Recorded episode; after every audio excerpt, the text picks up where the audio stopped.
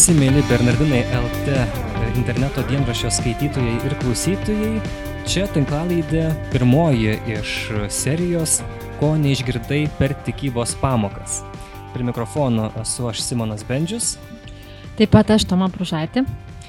Katalikai ypač, kurie su tuo susiduria, jie supranta, kad tai galbūt yra svarbu, daugiau mažiau, tačiau nu, retai kurį žmogų tikinti esu sutikęs, kuris sakytų, kad tai yra labai malonu ir labai na, artimas dalykas.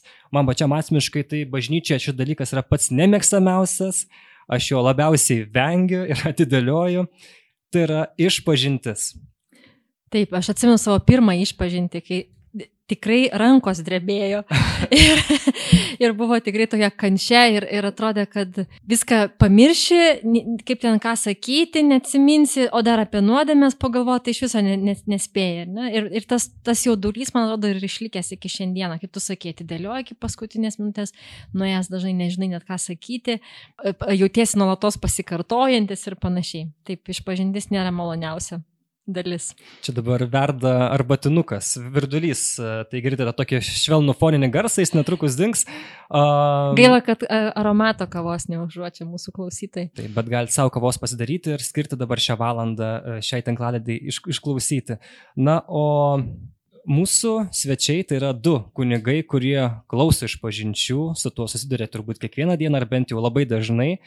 Tai yra du kunigai Mindaugai, Pristatau gal juos, tai yra Vilniaus Švento Juozapo kunigų seminarijos vicerektorius kunigas Mindaugas Ragaišis. Sveiki. Taip, sveiki.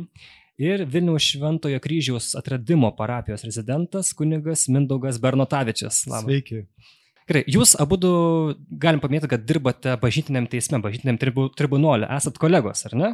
Nu, Daug, daugiau mažiau. Taip. Ar jūs einat vienas pas kitą iš pažinties? Neinam.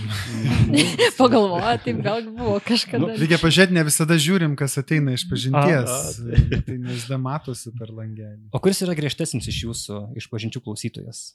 Ateikit iš pažinties ir sužinosit. Pa, palyginti. Tai paprastas, paprastas būdas. Ateikit ir pas vieną, ir pas kitą. Taip, taip. Nu, lyg tai gaila, aš kai dirbu Vilniaus kunigų seminarijoje, tai taip jau parapijose būnu rečiau, tai gal tokių progų pas mane atlikti išpažinti dabar daug nėra. Bet pat pas kunigą kitą Mindaugą, tai aš mm. manau, Kalvarijų bažnyčia, Vilniaus Kalvarijų bažnyčia, tokių Šiek progų bus, dažniau. bus pakankamai. Ar verta ateiti iš pažinties pas jūs? Pas bet kurį kunigą tikriausiai verta ateiti iš pažinties, nes iš pažinties einam ne tik pas e, kunigą, bet pirmiausiai dėl savęs. Ir net jeigu jos visi nenorim, tiek jūs, kaip sakėt, nenorit, ir mes, kai einam iš pažinties, irgi jos nenorim, tačiau visi žinom, kad esam jos reikalingi. Mhm. Ne, bet išpažintis bendrai yra na, dalykas, kuris e, jau savinė negali būti mielas, nes nu, mes mielai pasakojam apie savo pasiekimus. Ir Facebook'uose rodom Taip, rodom, save labai gražius. Kas, mum, kas ką esam gero padarę, bet čia ateini papasakot, kur tu klydai, ką blogo darai. Nu tai čia visada yra tam tikras iššūkis ir, ir, ir, ir nemalonu tą pasakot paprastai. Ir šiuo atveju tas psichologinis barjeras, jisai visada egzistuoja. Ir kai neišpažinties, čia vėlgi, jeigu žmogus turi tikėjimą, Ta prasme, suvoki, kad išpažintis tai nėra tik tai kažkoks formalumas, bet žinai, kad ateini susitaikinti su Dievu, Dievu, kuris tavęs laukia. Tai tada tas procesas yra visai kitokis. O jeigu tai yra tik tai kažkas tai priverstinio, na tai tada žinoma būna kaip našta toks sunkus kryžius. Tai čia jau turbūt priklauso nuo to, kiek žmogus yra pažengęs tikėjimo keliu, bet, bet vėlgi, antra vertus, tas, psich, tas psichologinis momentas, kaip sakiau, jisai visada išlieka. Ten kaip ten bebūtų, mm. mes ir kunigai tą jaučiam, tai galiu tą prisipažinti. Tai žodžiu, mes normalus. Gerai, labai. Gerai, uh, Ką aš esu išgirdęs iš paskaitų pas jūs kunigė Mindaugai, nežinau kaip čia, kaip čia jūs atskirti dabar. Vyresnysis. Vyresnysis, gerai, galim taip kreiptis. Na, no, pravda. taip, Mindaugas Ragaišės vyresnysis, Mindaugas Barnatačius jaunesnysis. Atsiminkit, mėly klausytojai, šitą gal dar priminsim laidos eigoje, kad šiais laikais labai paprasta, aišku, sunku prisiversti, kaip mes sakom, bet labai paprasta nueiti iš pašinties. Ateitim pas kunigą ir na per kelias minutės viskas tu vėlėsi, kaip sakant, laisvas, ar ne? Ir kunigas net nemato kartais, ar ne, kas Taip. ateina, tokia paslaptis labai.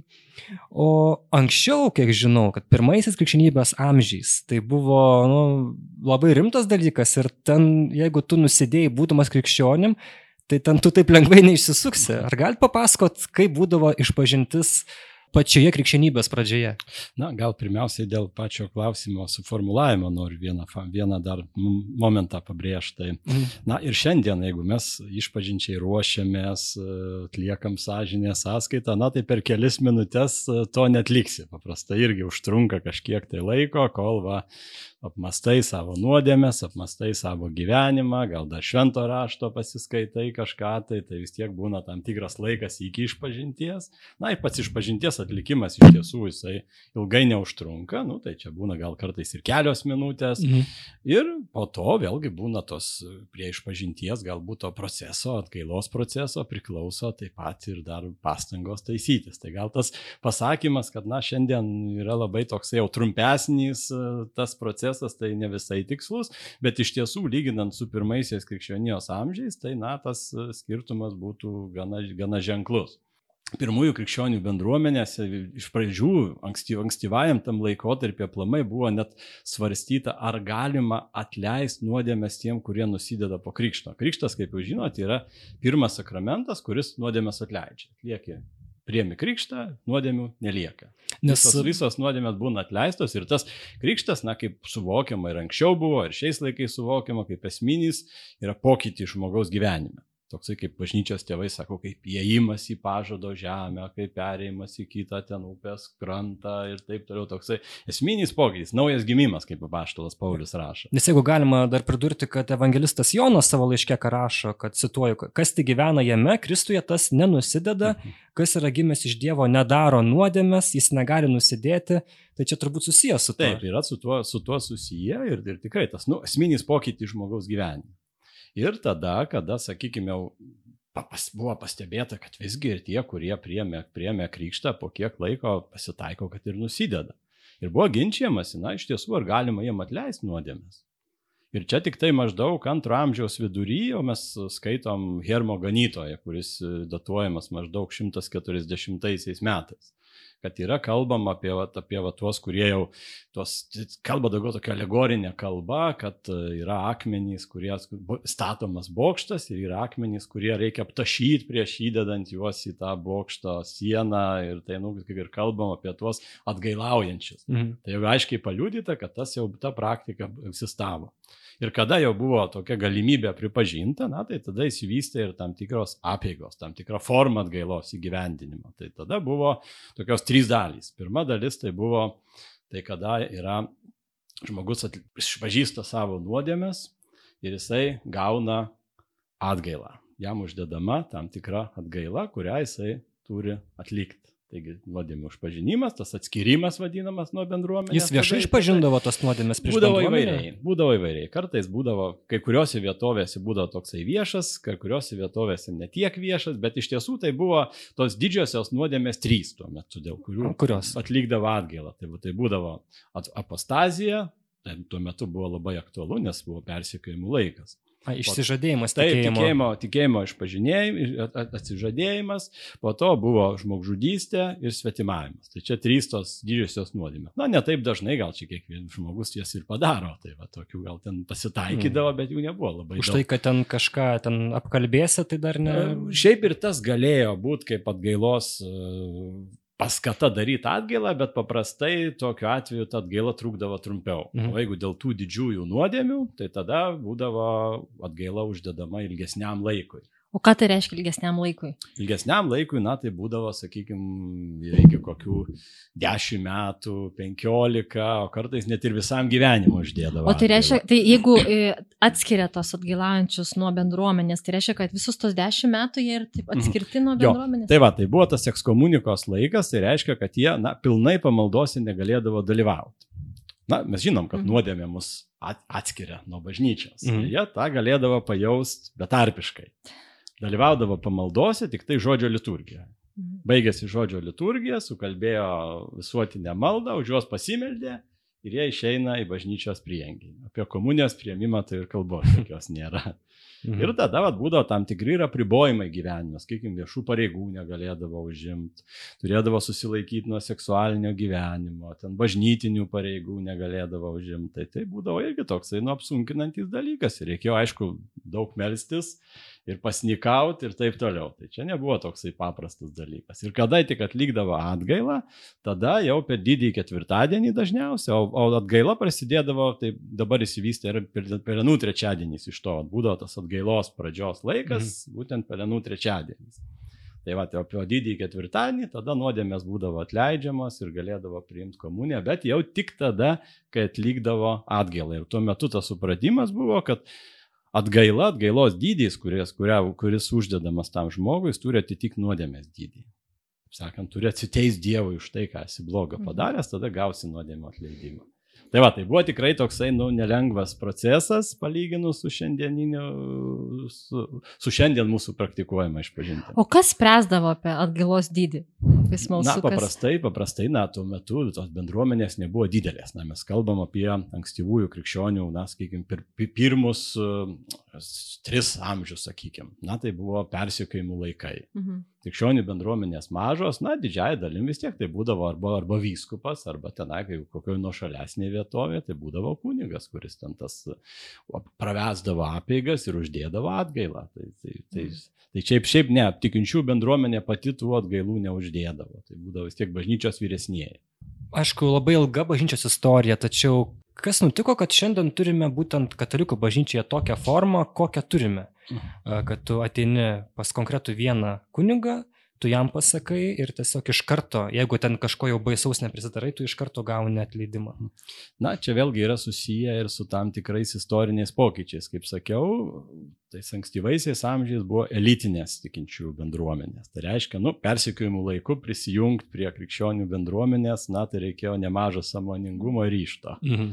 Nes tikrai grėsė, kad gali tapti kankiniu. Ir tada vis tiek ten tos mažos bendruomenės ir pažinojo vieni kitus, ir bendravimas buvo visai kitas. Vėliaugi, po 313 metų Milano edikto, kaip žinom, krikščionybė gavo laisvę. Vėliau jau ketvirto amžiaus pabaigoje netgi tapo valstybinė religija. Savaime suprantama, ta krikščionių ir jo būti jau tapo patogus dalykas, parankus dalykas, jeigu ypač žinai imperatorius krikščionis. Ir, mhm. to, ir tai paskatino, kad vat, iš nemažai įsijungia naujų narių į bažnyčią. Bažnytinės bendruomenės išaugo. Ir tai, kas buvo įmanoma praktikuoti mažam rate, tas jau buvo sunkiai įgyvendinama didesniam rate.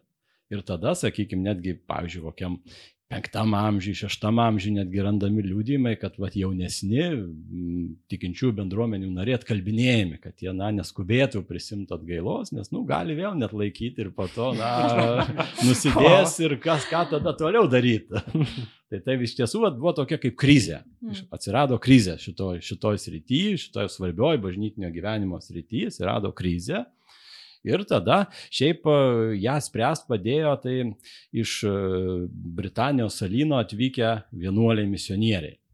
Britanijos salinė iš tiesų bažnyčia buvo daugiau tokia vienuolių apspręsta.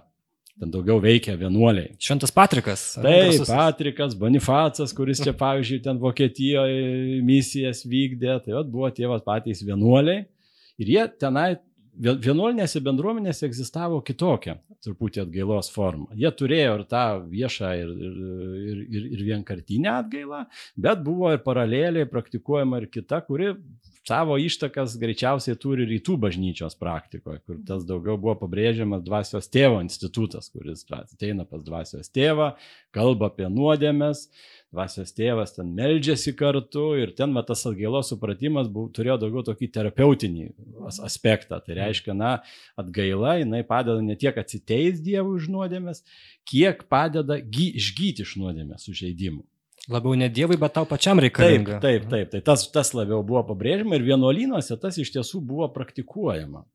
Ir ten va susiformavo tokia atgailos forma, kuri buvo, na, slapta ir daugkartinė. Ir kada atvyko tie vienuoliai, tada į kontinentinę Europą jie atnešė tą formą. Ne iš karto jinai mhm. išplyto ir ten buvo nemažai ten ir tokių įvairių stumdymus, maždaug apie tūkstantuosius metus, na jau bent jau oficialiai galima sakyti jau 13 amžiui. Jau pilnai įsitvirtino jau ta slapta ir daugkartinė atgaila. Tai ketvirtas Luteranų susirinkimas, jisai priemė sprendimą, kad kiekvienas tikintysis kartą metuose apie Velykas turi atlikti metinę tą mhm. išpažinti. Na jau tai aiškiai nurodoma, kad tai atgailos praktika yra pilnai užsitvirtinta.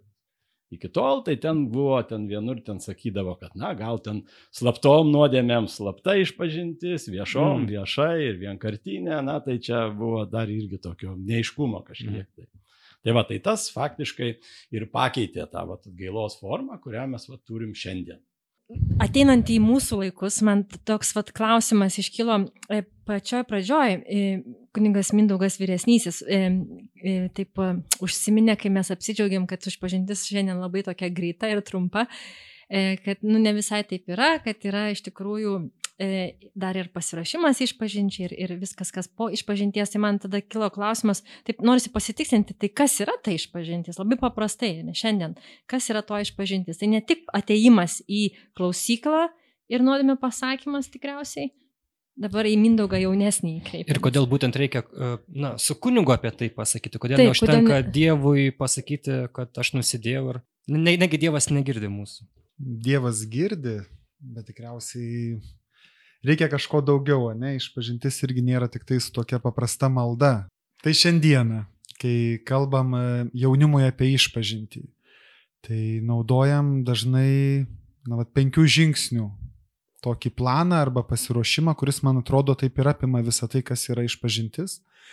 Tai pats pirmasis žingsnis tai yra mūsų atmintis, kad turėtumėm laiko atsiminti ir įvertinti tam tikrus savo pasirinkimus.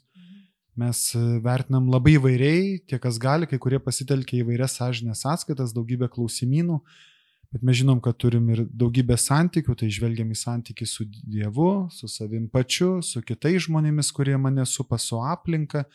Ir tai dar žiūrim per vėlgi tokias skirtingus pjūvius. Tai yra mano mintys, to, ko nieks nemato, taip kaip aš jaučiuosi, vidinė mano patirtis, mano kalbos, taip kaip aš išreiškiu, tai ką matau ir ką pajuntu, ir mano veiksmai.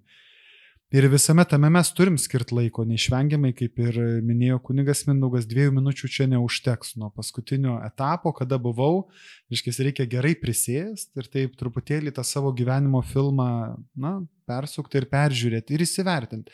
Tiek pat tuos pačius geruosius dalykus, ką vadinam gražiom vakar dienom, bet taip pat atrandant ir tas vietas, kurios tikrai yra reikalingos Dievo gailestingumo. Tai tik tada, kai mes tą darbą padarom ir jau atsimenam, ne kaip atrodė mūsų kasdienybė ir kas toj kasdienybė yra reikalinga Dievo gailestingumo, tada mums reikia be abejo tokio iškaus e, suvokimo, kad mes tiem dalykam nepritarėm arba juos atmetam, net jeigu juos patys ir padarėm. Tai sako atsiminti savo nuodėmės ir gailėtis dėl jų. Tai tas gailėjimasis tai nėra, kad staiga aš sustoju gyvenime arba kažkaip viskas sugriūva, bet aš pasakau, kad tam tikra dalis mano gyvenimo pasirinkimų yra ir man nenaudinga, nereikalinga ir bent dabar aš būdamas prieš Dievą jai nepritariu, aš ją atmetu nuo savo gyvenimo. Ir tada, kai jau mes atsimenam nuodėmes, kai mes jau, na, va, tokį sužadinam savyje gailestį arba nepritarimą tam tikrai daliai mūsų pasirinkimų, mes pasiryštam nebenusidėti. Ir kartais va, šitie žingsneliai truputėlį praslysta, bet iš tikrųjų jie yra be galo svarbus, nes tam pasiryžime nebenusidėti. Tai čia įvyksta, man atrodo, didysis praktinis darbas, nes aš tada matau dvi tas savo gyvenimo pusės ir tą gražiąją, kurią galiu didžiuotis ir tą pačią, kurią, na ir slepiu iš tikrųjų, nes, nu, nėra, kad ten daug didžiuotis, bet tas pasiryžimas nebenusidėti, tai reiškia, kad aš turiu sudaryti planą, kaip konkrečiai naikinsiu tas nuodėmes iš savo gyvenimo. Tai jeigu, tarkim, nežinau, ten kažkas bus įžeisti artimieji, pavyzdžiui, ne, tai Tai man reikia konkrečiai tada galvoti, ar aš dabar juos turiu atsiprašyti, arba vėl kažkaip kitaip stengti save pergrupuoti, galbūt maldą rytą pradėti, jeigu jos trūksta. Ir tai yra mano darbas su savim pačiu, kur aš pats save.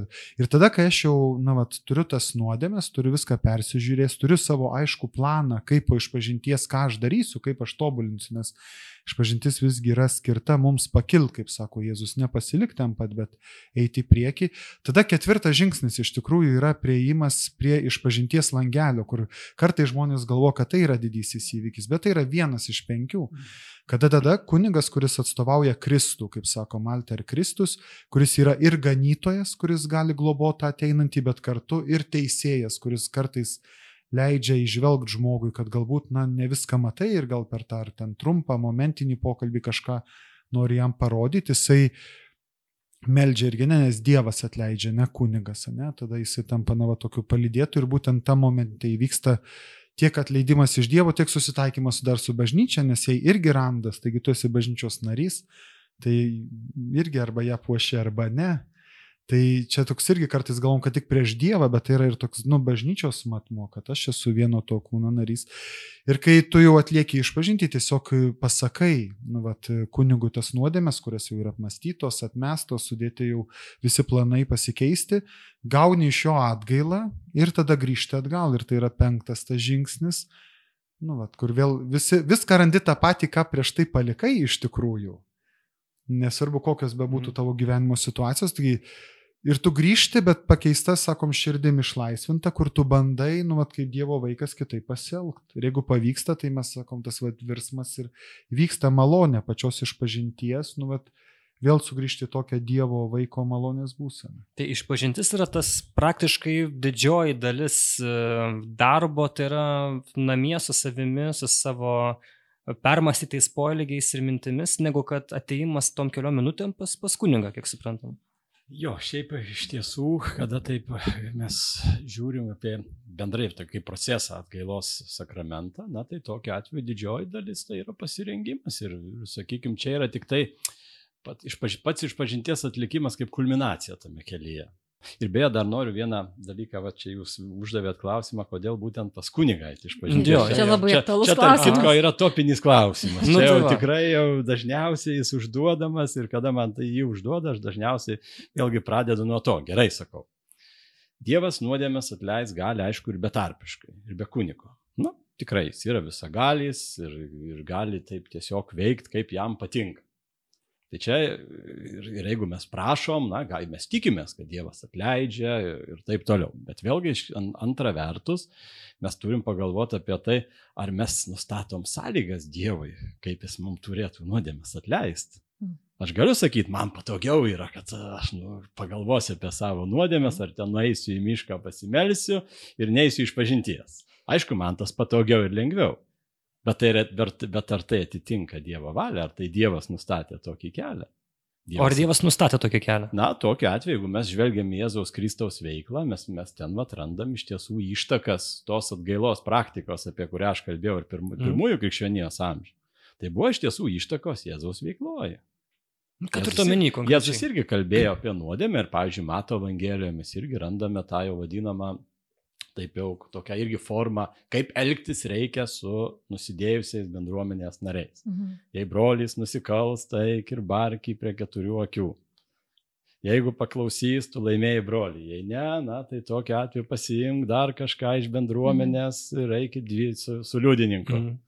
Tada, jeigu ne, tai perduok bendruomenė. Jeigu nepaklausys bendruomenės, tai būnės tau kaip pagonis ir muitininkas. Na, čia aš labai laisvai atpasakojau tą, tą švento rašto vietą. Tai vėlgi jau yra kalbama apie konkrečią elgesio su nuodėme formą.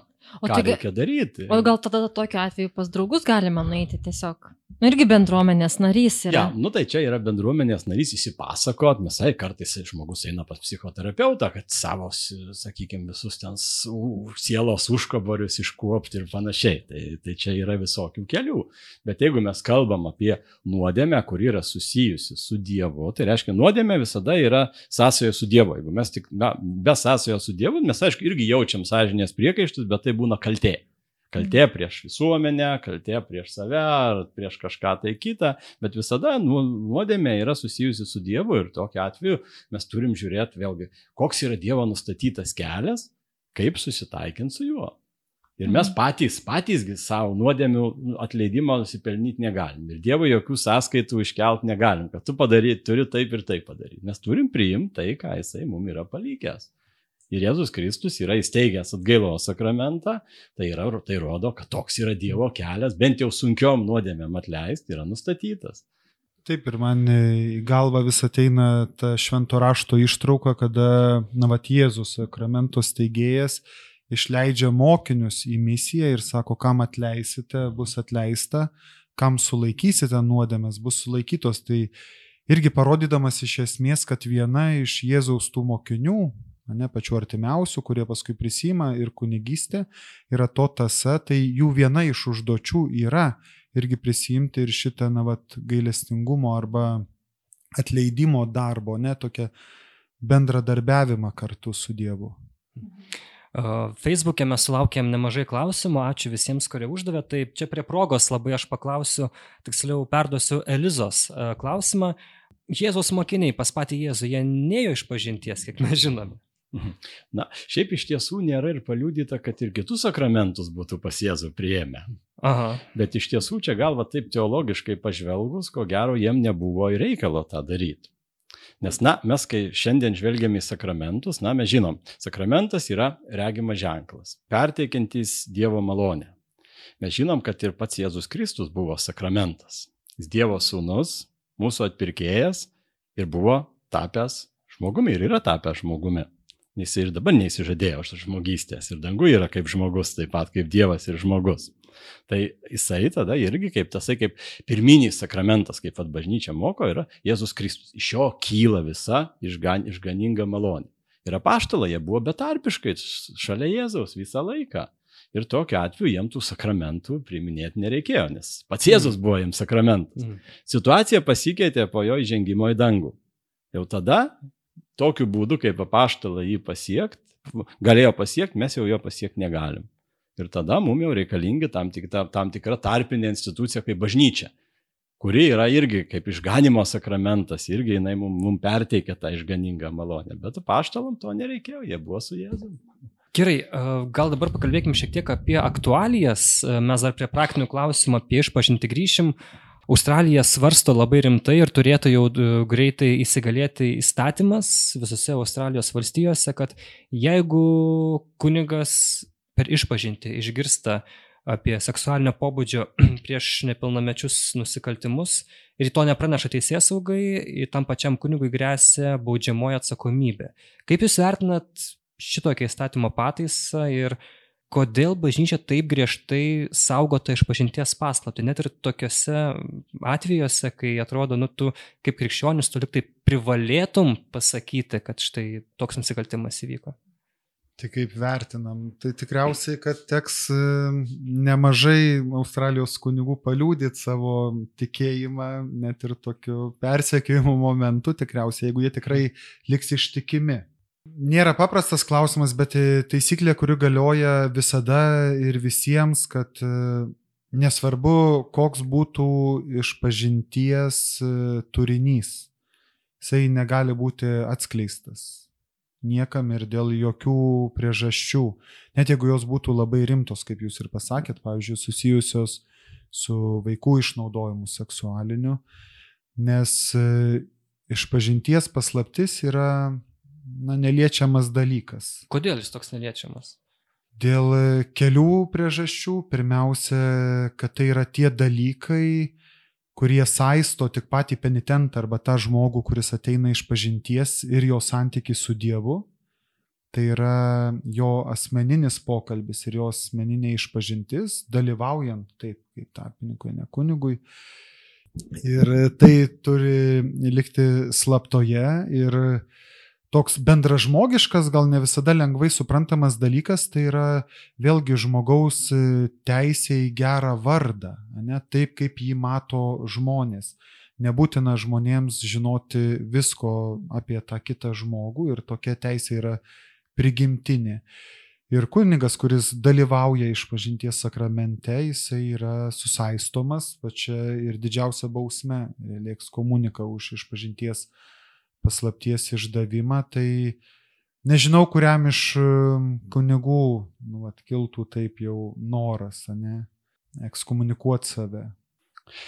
Jo, iš tiesų vertinant na, tą tokį sprendimą, na, pirmiausiai tai reikėtų gal pažvelgti į tai, kad, na, konstitucijose bent jau, sakykime, vakarų Europos ar, sakykime, kraštų valstybių yra įtvirtinta sąžinės laisvė. Sažinės laisvė, tai reiškia išpažinti ir tikėjimą, ir valstybė įsipareigoja, kad jinai tos laisvės nevaržys, tai reiškia nenustatinės religijai tam tikrų taisyklių arba ten tam tikrų vat, normų, kaip dabar turi išpažinti tikėjimą, ar jo labiau nenustatinės tikėjimo tiesų, kurios vat, reikia pripažinti ir, ir kuriuom tikėti.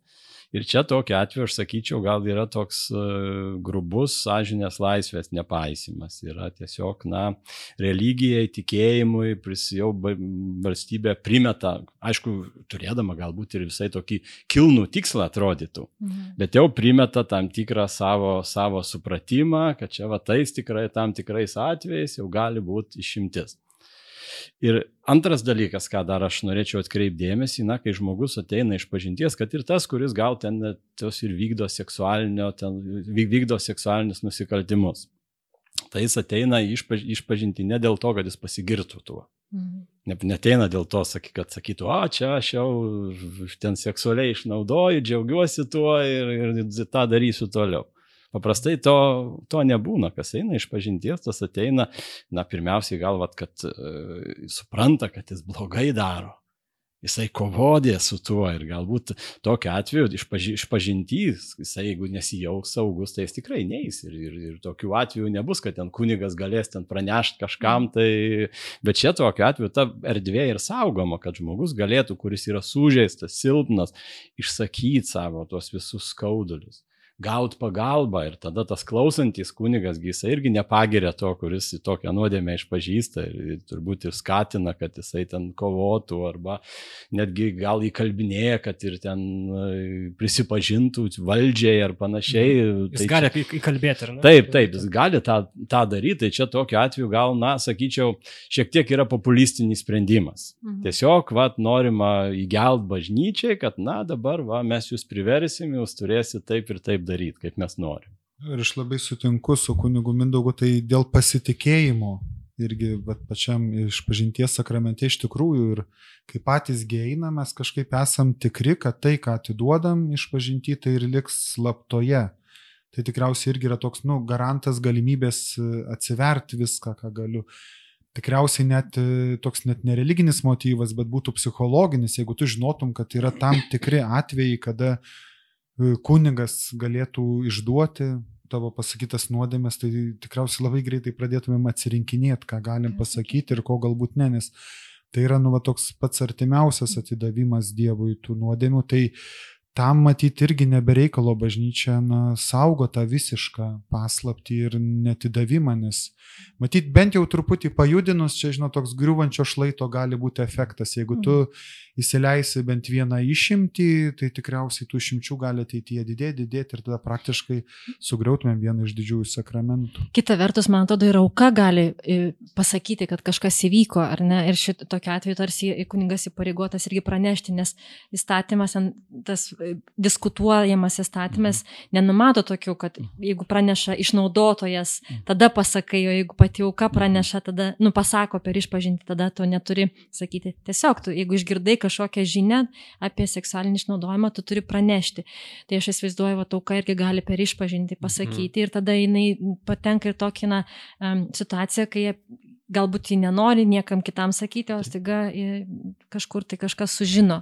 Bet gerai, bet gali būti ir piktavalių žmonių, tarkim, aš įsivaizduoju, tokia situacija, ar ne, labai nesunku. Ateina specialiai žmogus, nusikaltėlis pas kunigą, pasakys apie savo nusikaltimą, e, tiesiog tam, kad tas kunigas e, niekam ne, neišpasakotų, nes tai bus išpažinties paslaptis. Arba, tarkim, sakys tam kunigui, aš vat tą ir tą padariau ir va dabar po išpažinties nueisiu ir vat sušaudysiu ten kažką. Ką tada kunigo daryti tokiu atveju? Nes piktavalių žmonių gali būti, kurie na, pasinaudotų tą išpažinties paslaptimi dėl gal, savo. Jeigu, aišku, ten paprastai matos, kiek rimtai tas žmogus e, tą mano, ar tenai rimtai, tai vat, apie tai galvoja, kai ateina tai, tai ką išpažįsta. Bet šiaip visumoje tokiu atveju vis vienas reikia, kunigas su tuo žmogum kalba. Kalba ir jisai, na, bandys pirmiausiai atkalbinėti, kad tu nedaryk to ar panašiai, nes, nes, nes, nes kitokių būdų, kit, kitokių, kitokių priemonių, kad, tai, sakykime, dabar paimti ir priversti, kad jisai tenais sus, sus, susilaikytų nuo to veiksmo, na, vėlgi, kunigas neturi. Bet tai, kad ir jeigu ir pasakytų ten valstybinėm institucijom, tai irgi, tas irgi mažai ką pakeistų.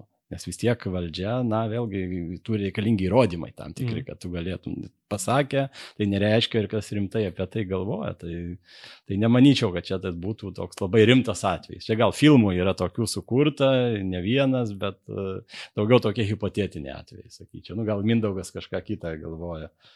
Čia, kai žmogus pasakotų į priekį, ką aš nu va dabar žadu padaryti, Mm. yra tiesa, kadangi jisai tai sakytų iš pažinties metu, tai susaistytų kunigą. Mhm. Jis vienareikšmiškai negalėtų. Net jei negautų išrišimo, to Taip, žmogus vis taip, tiek tu negali. Negali ir atskleisti. net negali ir e, žmonėms irgi kažkaip ten demonstratyviai pasakyti, Perspėti perspėti arba, e, kad O užuomenas kokias numesti.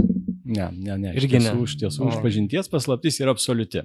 net yra ir vienas iš tų pačių kanonų, na čia reikia kaip kanonistų irgi, kuris draudžia kunigui bet kokiu atveju pasinaudoti iš pažinties metu įgytomis žiniomis, net jeigu jos ir neatskleistų paties kalbėtojo, visgi tai, kas lieka iš pažinti, tai ten ir pasilieka. Ir šiek tiek dar dėl skirtumo, tai va jeigu būtų tiesioginis iš pažinties paslapties atskleidimas, Tai be abejo, kad yra pačiu faktu ekskomunika, tai kunigas negali ir vykdyti pareigų ir ten praktiškai viskas sustoja. Jeigu būna netiesioginis, tai vėlgi tada jau bausmė būna parenkama. Vadovybės priklausomai pagal mastą, kiek tai paskui, na, vat, pasėjo tokių pasiekmių negatyvių tam žmogui.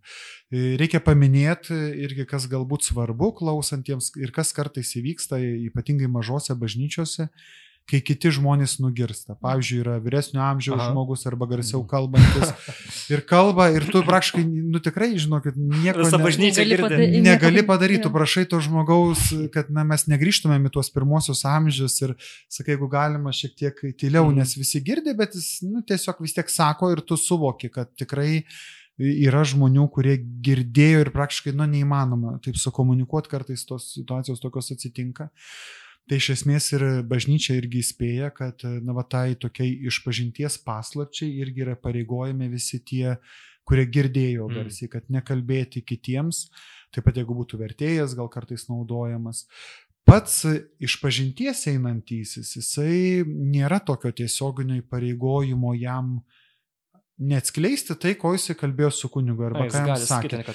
Bet čia yra toks- Toliatą kunigėlį nuėjau ir man kaip Ir patiko, kaip tą ir tą, ir jis man sakė tą, tačiau vėlgi kviečia iš pagarbos kunigui ir taip kaip kalbėjom, nes vėlgi dažnai nežinant konteksto ir to būdo, tai kad, nu, bet iš pagarbos tam kunigui irgi neviešinti, reiškia. Bet jis, Mm. mm. nu, kažkokia bausme, sakykime, arba ten nėra apibriešta paties einančio, ta tokia irgi Mhm. tyla.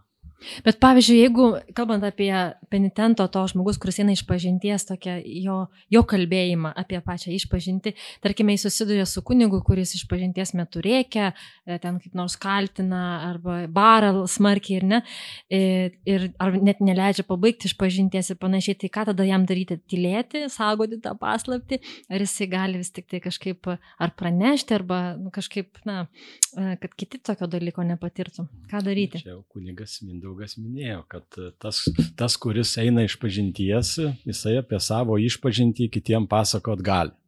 Kunigas, kuris klauso iš pažinties, tai jis niekam to pasakot negali, bet pats penitentas, aišku, užlaikydamas irgi diskretiškumą. Jis vienas, sakykime, gal tenai žiūrėt, kad ar tinka tą pasakot ar netinka, bet šiaip pasitaiko, žinoma, visokių tų kunigų ir kartais nebūtinai ten būna ir piktavaliais. Būna, sakykime, Pavargęs. klausai ten iš pažinčių prieš šventes man keletą valandų ištisai non-stop ir paskui tikrai būna, kad pavargsti paprasčiausiai. Ir tada labai daug nereikia, ten mažytės kaip birkštėlės, ten ir tada o, gali įsiplėksni. Nu, pasitaiko, stengiesi, aišku, to, ne- kad, to, kad to nebūtų, bet visi mes esam žmonės. Ir silpni žmonės. Mhm. Ir šiaip, jeigu pasitaiko taip, kad kunigas tenai barą ar ten neleidžia kažko tai pasakyti, na tai tokiu atveju žmogus jau ne, neturi savo priekaištauti, kad kažko tai netlikau, dabar bus blogai išpažintis. Ten už tai, kas neįvyko arba blogai įvyko, ten kunigas bus atsakingas. Tai išpažintis galioja. tam. Taip, išpažintis žmogui. galios tokiu atveju, jeigu jisai, ta prasme, nuoširdžiai išpažino savo nuodėmes. Kiek jam leido, jis jas išpažino. Ir suteikė išrišimą. Jeigu jisai, vad sakykime, tenai išrišimo būtų negavęs, Mhm. Na tai tokiu atveju tada žinoma jau reikia eiti pas kitą kunigą ir atlikti išpažinti.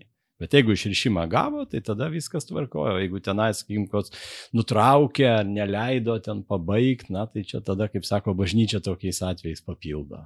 O jeigu, tarkim, atinu pas vieną kunigą ir jisai, na, kaip išrišimo duoda, tačiau vėlgi buvo piktas, nekalbus, ar galima paskui eiti pas kitą kunigą ir tas pačias nuodėmės susakyti ir tikėtis, na, tokių geresnių patarimų, dvasinių, atgailos gal kokios normalesnės. Na, matot, iš pažinties gal nereikia tiesiogiai tą patinti su dvasiniu vadovavimu.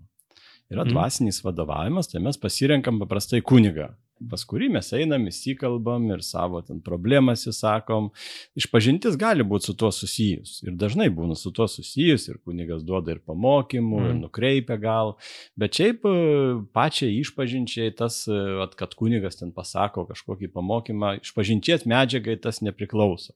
Svarbu, kad būtų išpažintos nuodėmės, apgailėtos, būtų pasiryžimas iš jų taisytis ir kunigas suteikė išrišimą, išpažintis tokiu atveju įvyko.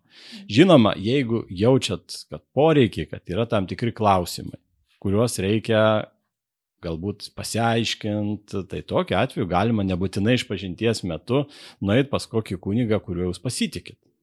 Ir Mhm. tada paklaust.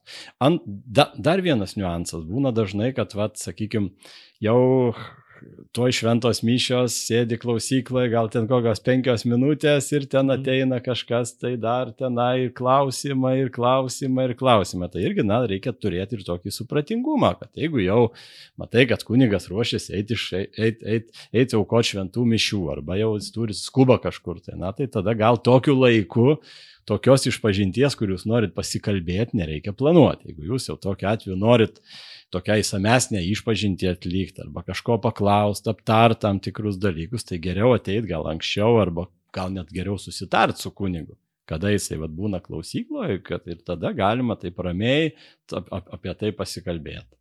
Panašu toks praktinių klausimų laikas. Ir jūs minėjote, ir abu minėjote apie išrišimą ir kad kartais gali neduoti kuningas išrišimo. Ką tai reiškia? Kas tas išrišimas? Ką tai reiškia neduoti išrišimo? Ir ką tada žmogų daryti, jeigu jisai negauna jo? Ir kada gali neduoti jo? Jo, šiaip, kai va, kunigas Mindaugas kalbėjo apie atgailos tas vadinamas dalis, tai va jisai ir minėjo, kad, na, neužtenka tik tai nuodėmės pasakyti. Turi būti vienas dalykas gailestis dėl nuodėmių, pasiryžimas taisytis ir tada, va, žinoma, tas jau išpažintis, išrišimas ir taip toliau. Tai va, tai jeigu nėra išpildytos tos sąlygos, sakykime, yra išpažįstamos nuodėmės, bet nėra gailesčio. Tai tokiu atveju, na, kunigas paprastai, jeigu tai ži- žino tiksliai ir, sakykime, ateina ir žmogus pasako išpažinti, aš padariau tą ir tą ir visai nesigailiu. Išrišimo gali, ne, negali suteikti. Nes visgi, kad įvyktų sakramentas, yra reikalinga materija ir forma. Nu, teologiškai kalbant, na, tai materija, tai čia yra tokiu atveju penitento vadinami aktai. Tai reiškia išpažinimas, gailestys, pasiryžimas taisytis. Bent vieno iš šitų aktų, jeigu nėra, išpažintis negali įvykti. Ne dėl to, kad Dievas nėra gailestingas ar tenai vad kunigas nenori kažko tai suteikti, bet tiesiog tas žmogus neturi dispozicijos priimti. Jisai savo dalies malo- nepadarė. Taip, ne? jis nepadarė savo dalies, jis, jis neturi tos dispozicijos reikalingos. Ir tokiu atveju, jeigu, pavyzdžiui, būna situacijos, kada žmogus, jisai, pavyzdžiui, gyvena be bažnytinės santokos. Ir tas pasiryžimas taisytis turi būti realiai gyvendinamas. Jeigu jisai, pavyzdžiui, ten draugauja su mergina, gyvena kartu ir jie gali priimti bažnytinę santoką, na, tokiu atveju kunigas klausia, ar jūs va, ruošiatės tuoktis ir artimiausiu metu tuoksitės.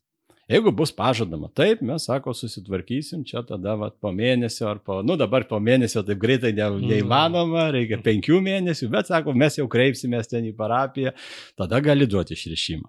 Mhm. Bet jeigu tenai jau yra turėta ankstesnė santoka ir jau, jau kažką tai čia pakeisti, priimti bažnytinę santoką nėra galimybės, tai tokiu atveju tas pasiryžimas taisytis yra neįgyvendinamas. Ir dėl to išrišimas yra paprastai neteikiamas. Ne dėl to, kad čia kažką įsidirbinėja bažnyčia ar ten nori kažką tai apsunkinti, bet tiesiog tas žmogus na, net, neturi reikalingos dispozicijos. Aš galbūt keletą dalykų dar atsiminiau, kur klausėt, ar gali žmonės eiti pas kelis skirtingus kunigus.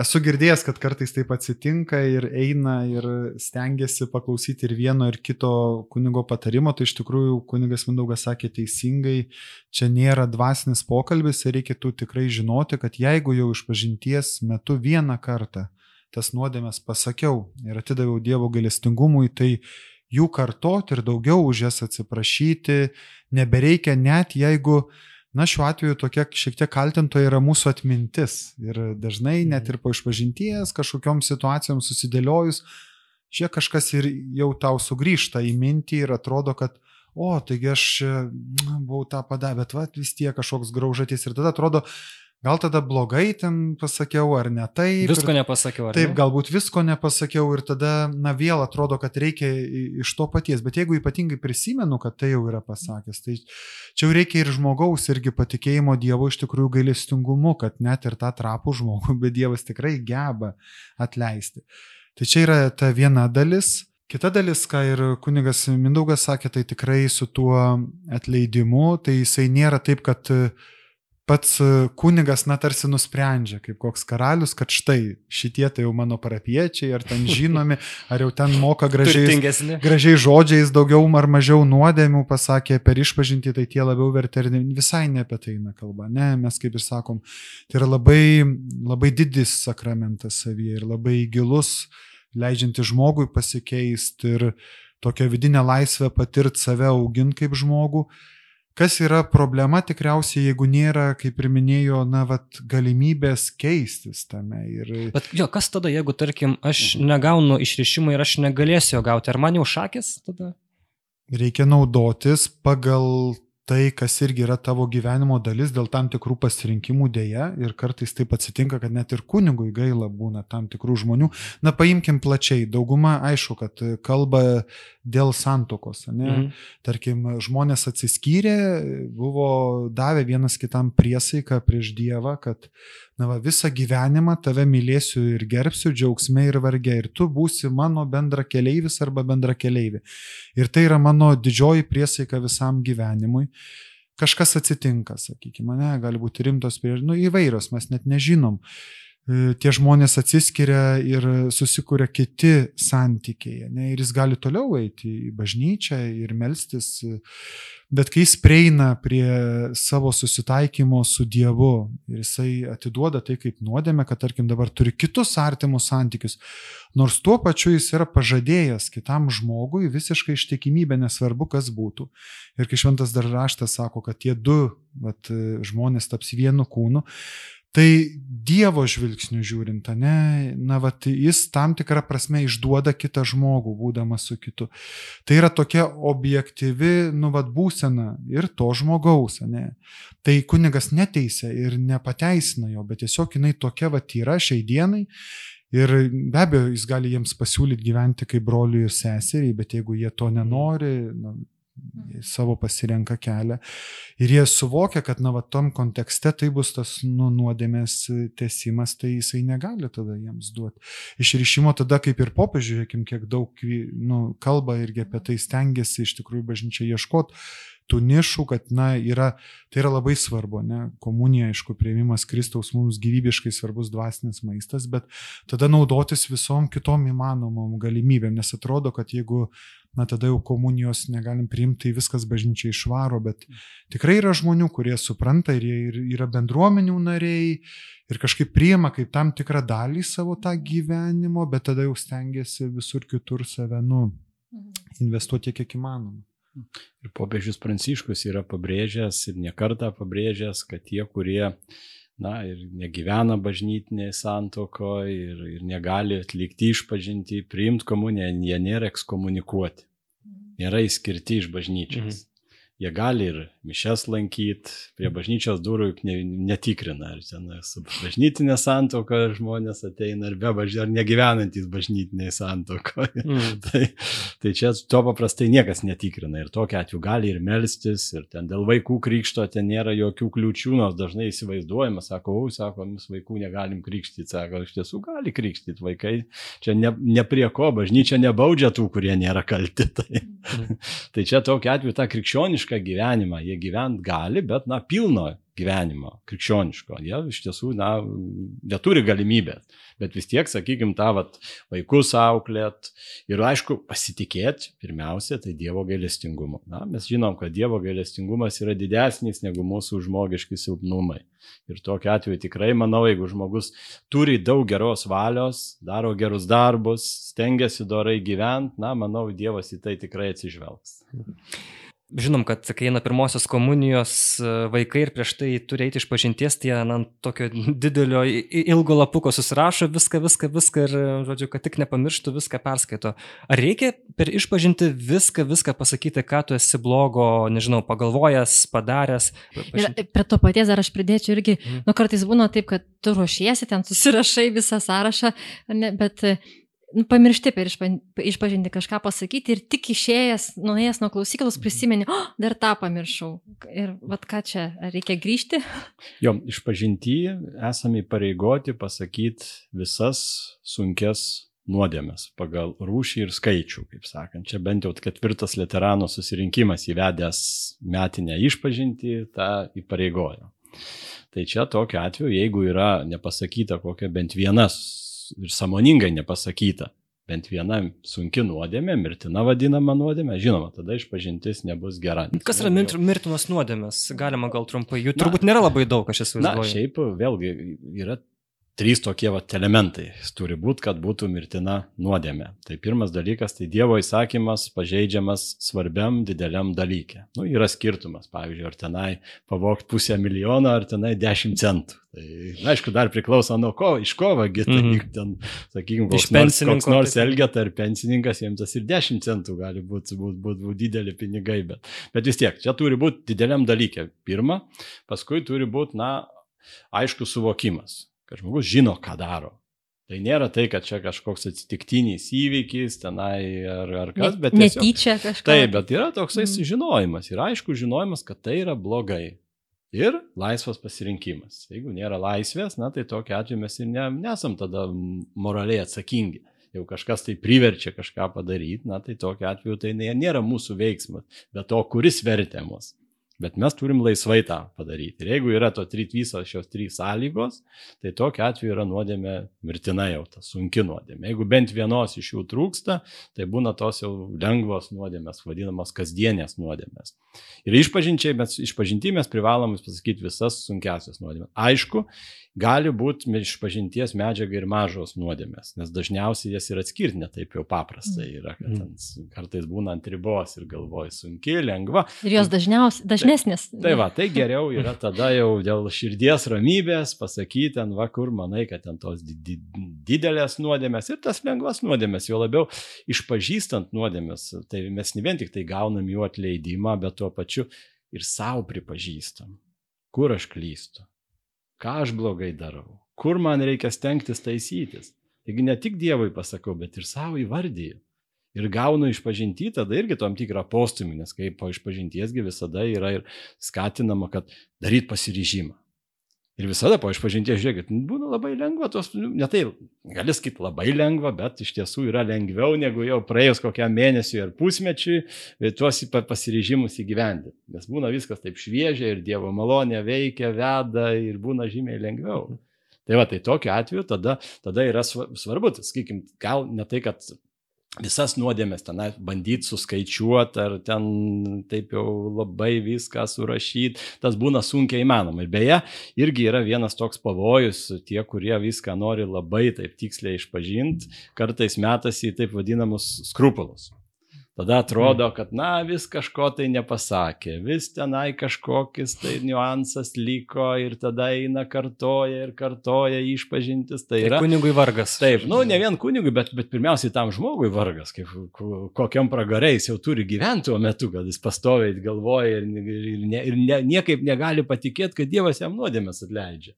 Mhm. Jis tikrai kankinas, visą gyvenimą dažnai kankinas. Tai čia tikrai vat, tas gal toks perdėtas, skrupulatiškas, ten kiekvienos smulkmenos, kiekvieno nianso pasakymas, na jisai nėra būtinas, bet va tuos esminius dalykus kiek prisimenu. Jeigu ką pamirštam iš pažinties metu, parėjus į namus ar tenai jau atlikinėjant atgailą, sakai, Dieve mano, nepasakiau dar to ir to. Tai tokiu atveju išpažintis būna gera. Nes tai nėra samoningas mūsų A. nutilėjimas, melavimas ir tą, tą nuodėmę reikia paprastai pasakyti per kitą išpažinti. Ten nereikia kažką tai kartotos išpažinties, bet tik tai pasakyti, kad va, per praėjusią išpažinti užmiršau pasakyti tą ir tą. Gerai, tai dar turime keletą Facebook klausimų, pasitenkime tada e, trumpai, aiškiai juos atsakyti, nes uh, gerai, Mindogas klausia, ar nevargina kunigų hiperaktyvios pavedotojos, maratonininkės? Kaip žinia, tokių yra kiekvienoje parapijoje.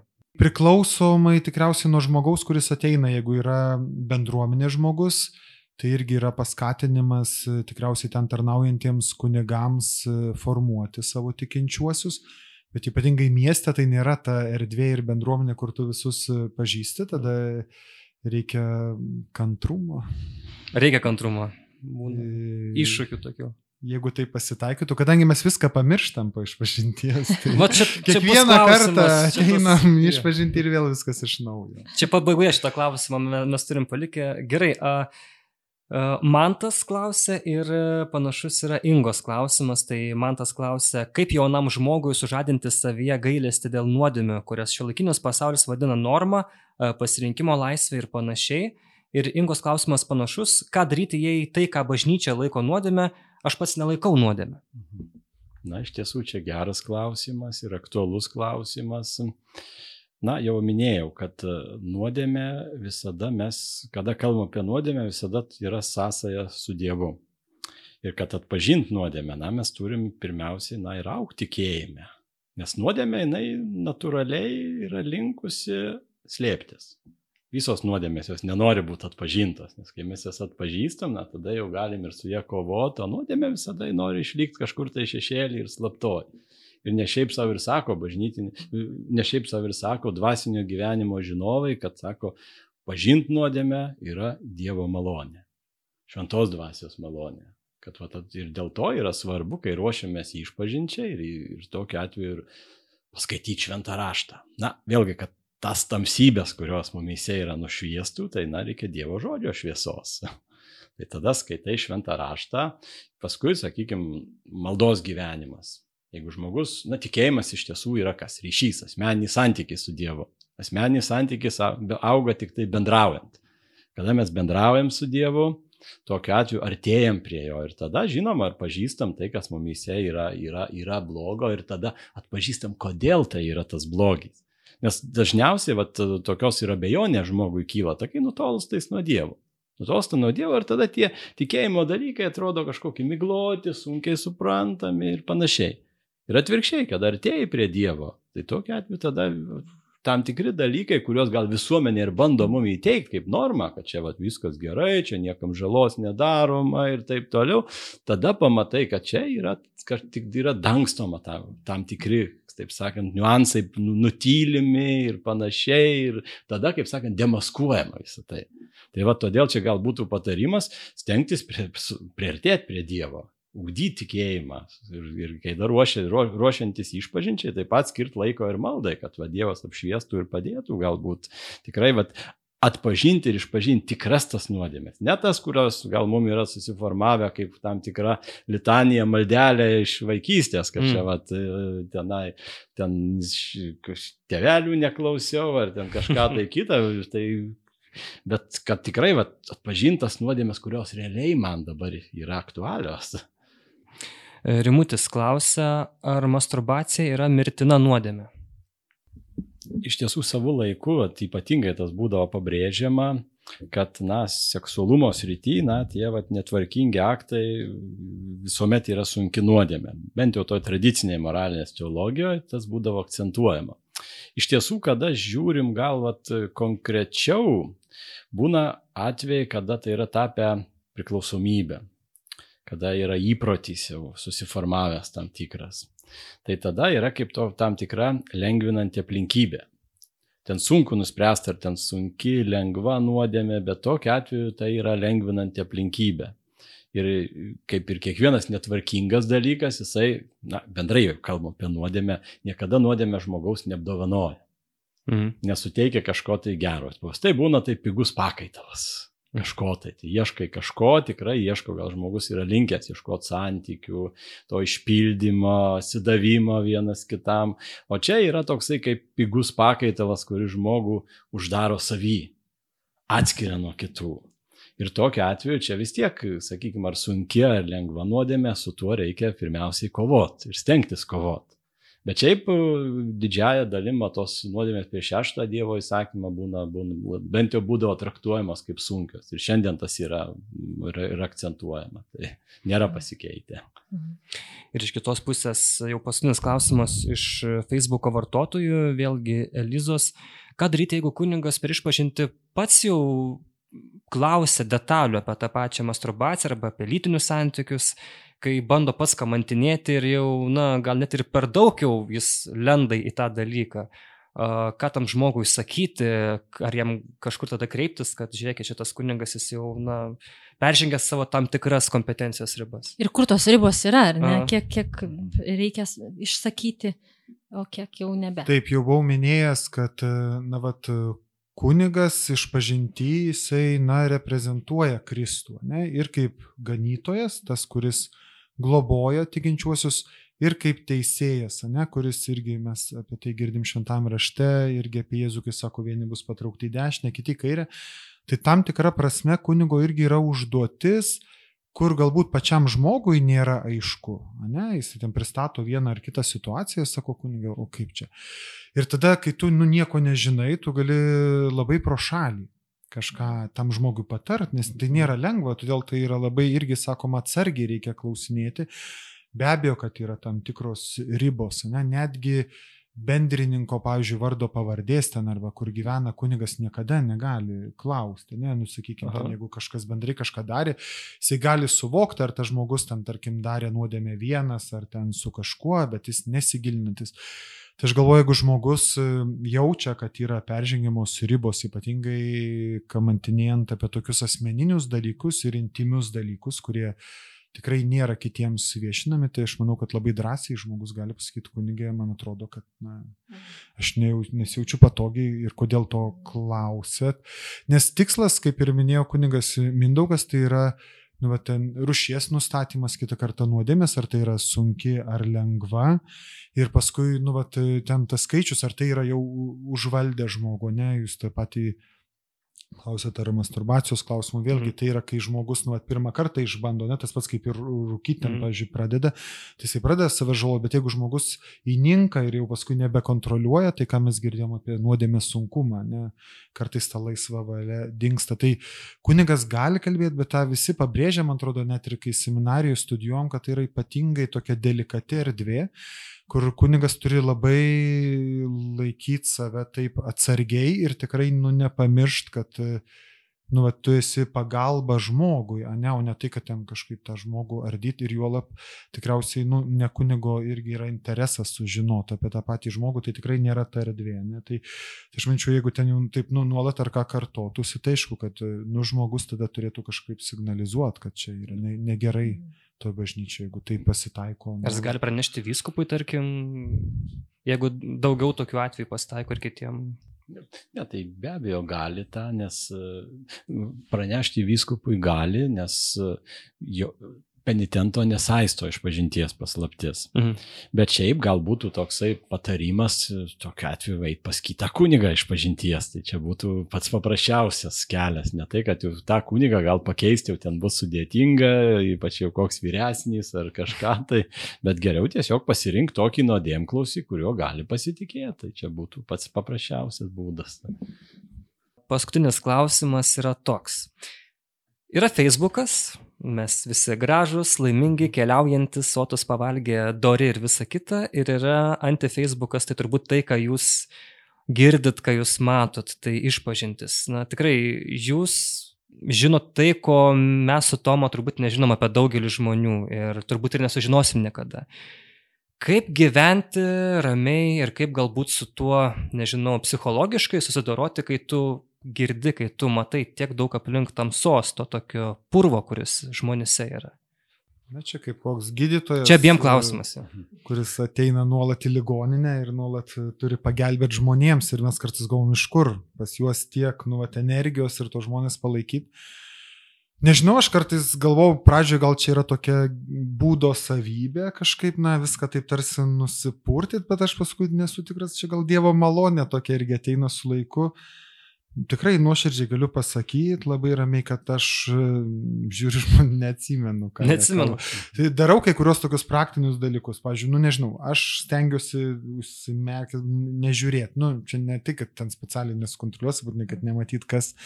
Bet kažkaip e, darau tiek, kad aš kuo mažiau žinočiau ir labai džiaugiuosi, kai iš tikrųjų būna klausyklos ir visai uždaros, Aha. ir tu nežinai, bet būna ir ant soliuko, Taip, taip. ir, ir visai. Ir, ir nežinau, nėra man gal, sakykim, to skirtumo, bet kažkaip tu išmoksti tokiu palikti maldos momentu ir tiesiog paskui taip kažkaip visas tas ir išeina. Negali sakyti, kad tavęs niekaip neliečia. Ne, mes nesam kokie čia, žinai, irgi robotai arba Dievo malonė paputė ir įsivalė. Bet kažkaip suprantu, nu, tu priimi kaip savo tarnystės dalį ir kažkaip nėra taip, kad paskui visi žmonės tik atrodo tokie nuodėmingi, negalintys, bet man atrodo kaip tik priešingai gal pradedi vertinti tuos tokius pasiekimus, ką žmonės turi ir kaip daro ir kaip, nu, kiek tu matai atsivertimo, sakykim, tų istorijų arba siekių. Na, iš tiesų, klausant iš pažinčių, na, visokių dalykų išgirsti ir, ir, ir, ir tikrai ne pačių maloniausių, bet e, kaip aš pastebėjau, na, taip šoriškai atrodytų, lyg tai turėtų slėgti, apsunkinti ir taip toliau. Dažniausiai apsunkina ir taip slegia tokios formalios išpažintys. Mm. kada būna tikrai vat, ypatingai daug žmonių. Prieš Kalėdas, ane? Kartojas, kartojas, tas pats, tas pats ir tas, tas tikrai labai stipriai vargina, nes, nes nu, jauti, ateina žmogus ir tai jam nesvarbu yra paprasčiausiai. Ką jisai pasako, atlieka tik tai formalumą. Tai tas paprastai vargina. Bet kada ateina žmogus, kuris tikrai nuoširdžiai išpažįsta, ar ten po ilgesnio laiko, gal tenai nebuvęs išpažinties, tai tikrai džiaugiesi kartu su juo. Ir tai būna tokio kaip, nu, Dievo malonės veikimo liūdimas. Ir tikrai matai, kaip Dievas jį atvedė visgi. Nes po ilgo laiko, sakykim, po 30 metų ateiti ir atlikti išpažinti. Nėra toks paprastas dalykas. Ir tada gal daugiau prisimeni ne tiek ten tas vat, nuodėmės pačias, bet galbūt galvoja apie Dievo gailestingumo tą dydį, kad tikrai vat, Dievas visada jo laukia. Dievas visada tikėjosi, kad jis ateis. Kitas dalykas, kada vat, klausai iš pažinčių ir vat, matai, ateina žmogus, kuris kovoja su savo kokia nors įda ar silpnybė ir jis dažniau tas pats, ta, ta, ta prasme, ne vieną kartą išklausai jo išpažinti.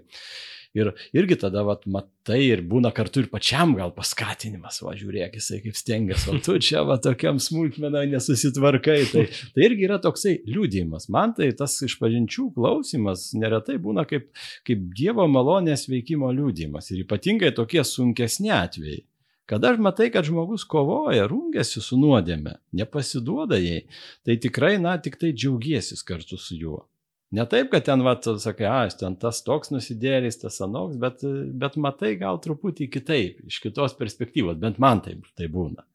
Tai čia, va, kaip tą priimi ir, ir va, kokios tos išpažintys būna, tai labai daug priklauso. Reikia po išpažinčių, nežinau, išsi, kažkaip pasportuoti ar kokį filmą pažiūrėti, kad tu kartais tas mintis iškratytum, jeigu jų būna neigiamų. Ar... Na, šiaip aš irgi, vat, kaip ir kunigas Mindaugas minėjo, stengiuosi tikrai tų dalykų, kuriuos išgirstu, jų nu, neįsidėmėti ir nelaikyti galvoj. Ir, nu, tiesiog ne visada pavyksta, aišku, kai kurie dalykai užstringa ar panašiai, bet šiaip, ko gero, gal tokia geriausia priemonė, ypač jeigu kažką vat, matai, vat, kažkoks tai sunkesnis atvejis ar ką pasimelst. Kai pasimeldė už tą žmogų, tai, na, ir pačiam kažkiek palengvėja. Tai, tai čia galvat irgi paves Dievo gailestingumu. Tai čia vat, mes kaip kuniga irgi meldžiamės ir už penitentus ir, ir prašom, kad Dievas irgi juos, juos laimintų ir padėtų jiem kovoj su nuodėme. Čia toks, nu Dieve, čia tavo reikalas. čia tvarkykis. Nu. Na, jis šito sakramento šeimininkas. Taip, taip, taip, taip, iš tiesų, čia Dievas veikia. Kunigas yra tik kaip įrankis. Tai dėkoju dar kartą mūsų svečiams, kurie čia apsilankė mūsų Bernardinai LT redakcijoje. Taigi kalbėjo Vilniaus Šventojo Juosopo kunigų seminarijos vicerektorius Mindaugas Ragaišis. Ačiū Jums. Ir Vilniaus Šventojo kryžiaus atradimo parapijos rezidentas kunigas Mindaugas Bernotavičius. Dėkui. Ačiū Jums. Abie. Girdėjote tinklalaidę iš serijos ko neišgirdai per tikybos pamoką. Labai tikimės, kad daug įdomių ir naudingų dalykų sužinojot apie išpažinti. Ir dar aš noriu priminti, kad jūs galite paremti Bernardinus ir taip pat šitas visas tinklalaidės.